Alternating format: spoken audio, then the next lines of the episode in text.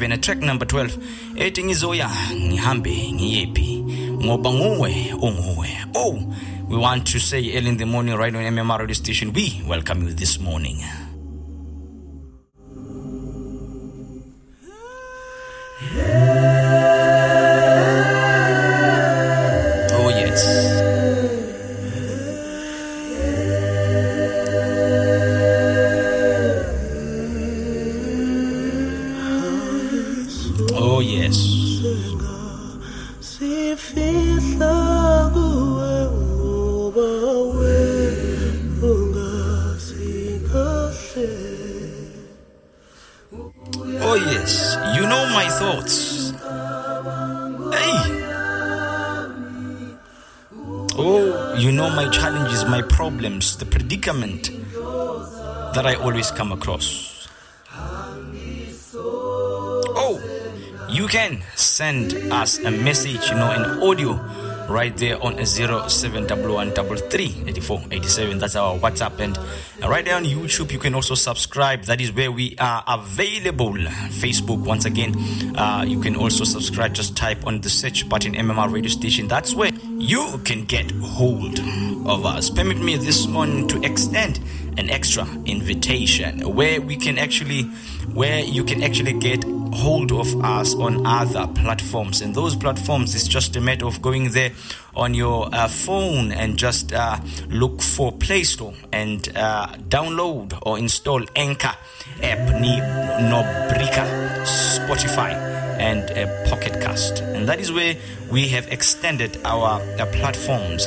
On these platforms, it's where we are actually podcasting and we are saying uh, these are other platforms that we can actually use. Now we've added on top of YouTube, WhatsApp, and Facebook podcast uh, such as a Breaker, Spotify, Pocket Cast, and Anchor. That is where you can actually also get hold and listen to our programs. May the good Lord bless you. Pastor Masugu, the Lord is my shepherd, is the top But before, uh, Pastor Masugu, before we hear the man of God speaking about the significance of the Lord is my shepherd, we will first go through the proverb time as we always know. Uh, every Sabbath we are having our proverb time. Then we have Eldam Du Mkandla taking us to our Bible lesson, and then after that we go to Pastor Masugu, decorticating the Lord is my shepherd. Right there, let's quickly jump to our proverb time. Today, we want to acknowledge Proverb chapter 27, and we want to read just a few verses that will be verse 1 and verse 2. Don't boast about what you are going to do tomorrow. You never know what might happen before tomorrow comes. Let me repeat it again, just one more time. Don't boast about what you are going to do tomorrow. You never know what might happen before tomorrow comes. Oh, yes, our lesson for today is very sweet and short. Do not preempt what's going to happen tomorrow, yet not knowing what's exactly going to happen.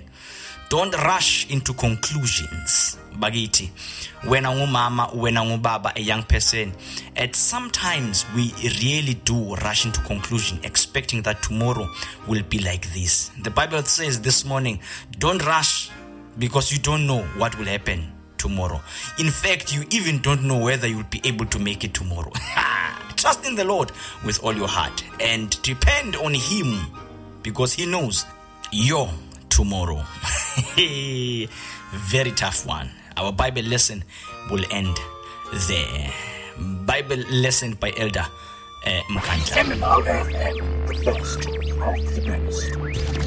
Message number two, commandment number one. Come, my friends, join Mr. MK as we seek the God of grace through prayer. Kind and gracious Father in the heavens above, thank you, dear Lord, for the privilege of calling upon your name.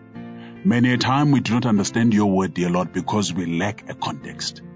But help us this day to appreciate where you are coming from and where you want to take us to. This has been our prayer of faith. In Jesus' name we've asked. Amen. Read with me one more time Exodus 20, the verse is 1 to 3. And God spake all these words, saying, I am the Lord thy God, which have brought thee out of the land of Egypt, out of the house of bondage. Thou shalt have no other gods before me. May the good Lord bless the reading of this word. Amen. Our understanding of the first commandment may have a broad interpretation. Allow me in the next few days to address how the Israelites must have related to it as they had it uttered on Mount Sinai for the first time. Remember, they had undergone an experience like no other. as they occupied a front row seat in the battle of Jehovah against the gods of Egypt. Time will not allow for me to go through the 2,000 plus gods that were defeated at the deliverance of the Israelites, but I shall select a few for our appreciation. At number one, do you remember God instructing Moses to go and throw down his rod? which then subsequently turned into a snake, and thereafter it swallowed those of the Egyptian magicians in Exodus 7. It was the belief of the Egyptians of the time that God manifests in magic, and secondly, they also had a god of snakes, whose name was Geb, G-E-B. Therefore, The entire illustration was vivid to the Egyptians as they understood what the message was in respect of Jehovah, the I Am, and Gab, the father of snakes. Jehovah set himself apart and therefore had the pedigree or the right to tell the children of Israel, You shall not have Gab as your God before me, even though he was not named. And at number two, It is in the same chapter, that is chapter 7, that God sent the plague of the river Nile, turning into blood and the fish dying thereafter. I'm sure you still remember that one. And I'm also sure you have heard it said that the Egyptians worshipped the Nile River. This is not very precise, as the Egyptians of the day worshipped the Nile through Anuket, that was their god. The vegetation around the Nile was also worshipped through Osiris, that was another god. And the fertile deposits, the black minerals that were around the banks, were also worshipped through a third god that was called Anubis. Therefore, an attack on the Nile was victory over three gods in one battle. The Egyptians understood it loud and clear. Jehovah is greater than Anuket, Osiris, and Anubis, combined. And for the children of Israel who had been born into captivity, the commandment, you shall have no other God before me, became even clearer for them. And at number three, as we climax, we shall end at Exodus 10 for today, where God caused a tangible darkness that could be felt to fall upon Egypt for three solid days, except in the residences of the Israelites in Bashan. You'll find that at verse 23. This was a lockdown plus load shading in one, I tell you. It is this plague that almost converted Pharaoh and made him repent, returning to the battle of Jehovah and the gods. The Egyptians of the day worshipped Amun Ra, who was also known as the Hidden One or the Father of all the gods. When in three days Amun Ra was immobilized by Jehovah and could not reclaim his area of speciality as the god of the sun, the chief of gods of Egypt was undone. Need I say it again? I shall nonetheless. The Egyptians knew from that day that Jehovah was mightier than that of all the gods. And of course, the Israelites who enjoyed three days of unrestricted energy and solar powered comfort heard God much clearer as he said to them, You shall have no other gods before me, inclusive of Amun Ra. Some of us may lack the context of the gods that compete for Jehovah's space in our lives and in our ears. I shall simplify them as any force that takes my attention from obeying Jehovah and keeping all his commandments is a God to be avoided.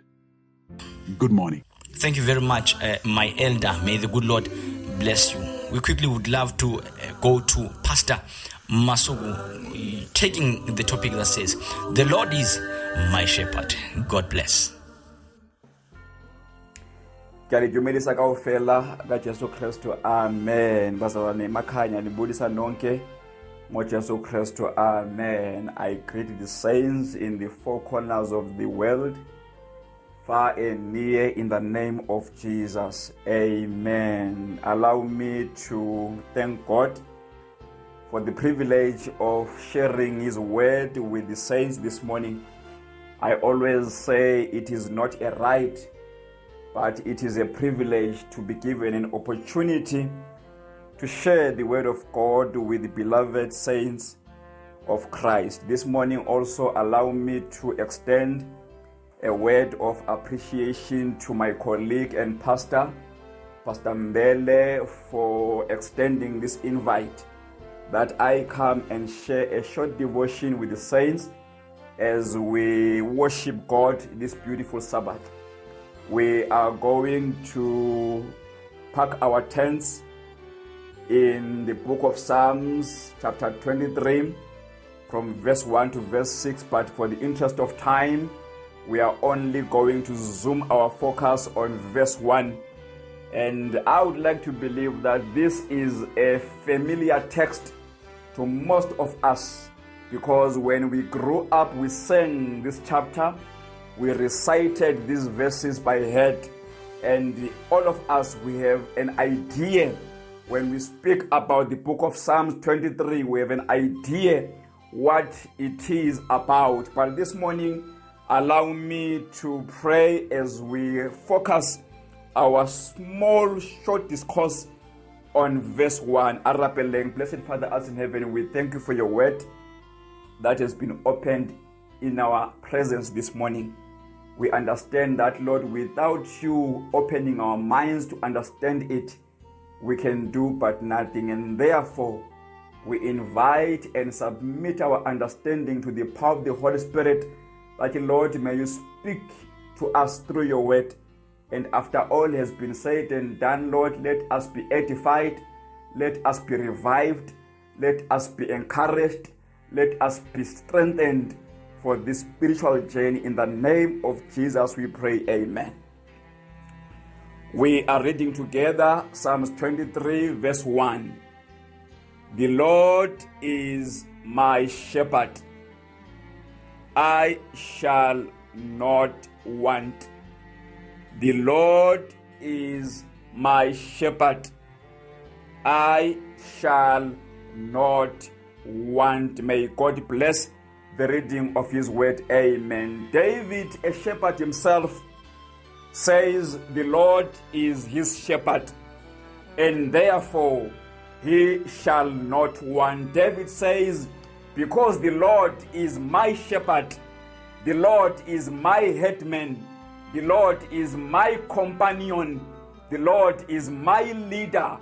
Therefore, I shall not want, I shall not need, I shall not lack, I shall not ask, I shall not fail, I shall not decrease, because the Lord is my shepherd. But a question comes and says, But who is this shepherd that David is singing about, that David is praising, that David is talking about? Allow me to say, This Lord is Jehovah. This Lord is the eternal one. This Lord is Yahweh Himself. This Lord is the self existent one. This Lord is the causeless one, the cause without a cause, the one who does not need anything for him to exist. This Lord is the one who has no life but He is life Himself. This Lord is the one who says, I am coming again, I am coming very soon. So, as we are living between these chapters, I want us to know that Jesus is coming again. Jesus is coming again. I don't know what you are going through, but let me edify you, let me challenge you, let me encourage you by saying, Jesus is coming very soon, and me and you, we need to hold on to this promise of the coming Savior. For soon and very soon, our Lord and Savior is going to come. His imminent return is near. the, the, the, the book of Psalms has been given many names. Some they call it the Psalm of the Shepherd, some they term it the Psalm of the Shepherd, the Psalm of Solemn Beauty. Some they say it is an immortal psalm, but allow me to say if there is a text which has been most translated the world over It is the book of Psalms, chapter 23. But listen to what Martin Luther says.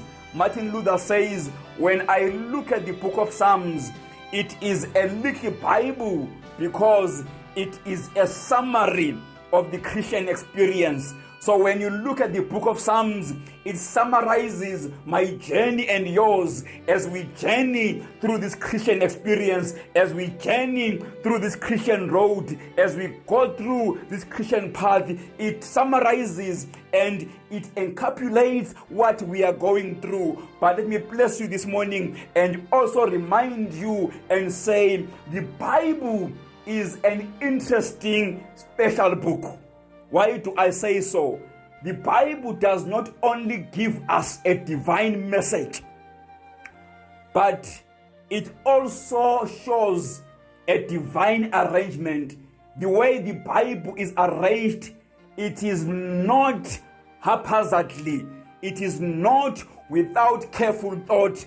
But when God organized the book of the Bibles, of the Bible, They were organized in a manner that shows a divine thoughtful arrangement. Why do I say so? When we consider Psalms 23, it is placed purposefully between Psalms 22 and 24 by purpose. I know numbers follow each other, but listen to what I'm about to say. When you consider Psalms 22, It is what I call the psalm of the cross, the psalm of Calvary, the song of Mount Golgotha. For when you look at verse 1 of that chapter, it says, My God, my God, why hast thou forsaken me? These are the words of Christ when he was hanging in Mount Calvary, when he was being crucified. So, Psalms 22 is about pain. Psalms 22 is when Christ is dying. But when you look at Psalms 24, it is a psalm of Mount Zion, a psalm of coronation, a psalm of triumph, a psalm of resurrection. Why do I say so? Because in verse 10 of that chapter, it says, But who is this King of glory? the Lord of hosts. He is the King of glory seller. This is now Christ being ushered, being welcomed into the celestial heaven when the angels are opening the gates of heaven to accept him and welcome him after resurrection. So allow me to conclude and say chapter 22 of Psalm is a psalm of the cross, while 24 is a song of the crown. 22 is a song of Calvary, while 24 is a song of Mount Zion. 22 is a song of Mount Golgotha, while 24 is a song of coronation. Chapter 22 is a song of death, while 24 is a song of resurrection. But this morning, we are not on 22, we are not on 24, but we are journeying in 24 in 23 and we know between two mountains there is a valley so chapter 23 of psalms it is a chapter of the valley of death it is when me and you we need a shepherd and as we move between these mountains between the mountain of the cross and the mountain of the crown we are caught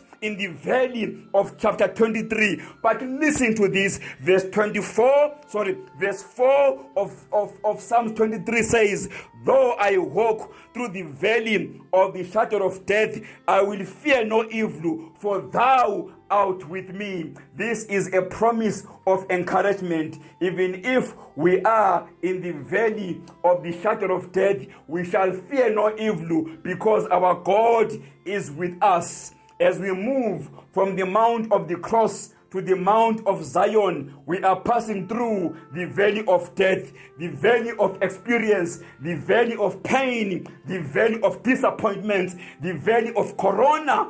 But we shall not want because Jesus, the great shepherd, is with us, because Jesus is our shepherd, because Jesus is the shepherd of our souls and he is leading us. Allow me to conclude and say 11 things that you shall not want, and then we close this song in righteousness. Listen to number one you shall not want rest because God makes you lie in green pastures. Number two, you shall not need drink because my God will lead you beside all still waters. Number three, you shall not want forgiveness because my God will restore your soul. Number four, you shall not want guidance because my God is leading you in the paths of righteousness. Number five, you shall not want companionship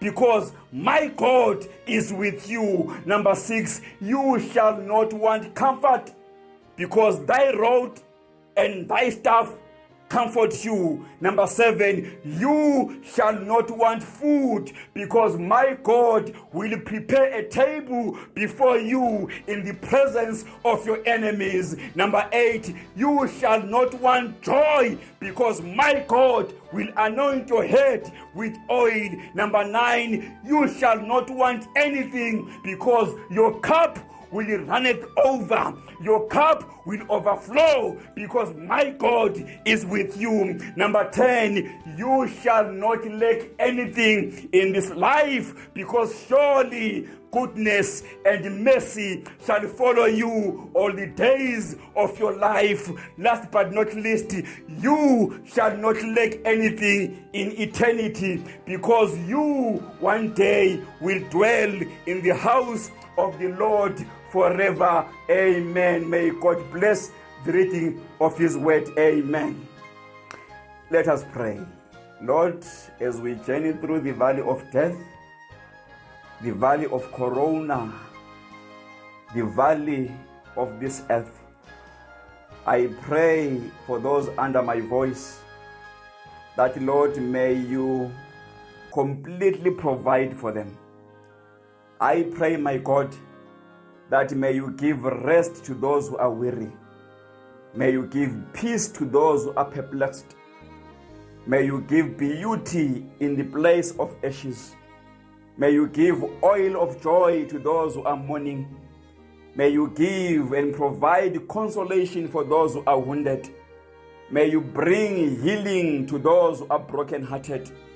May you supply strength to those who are weak and feeble.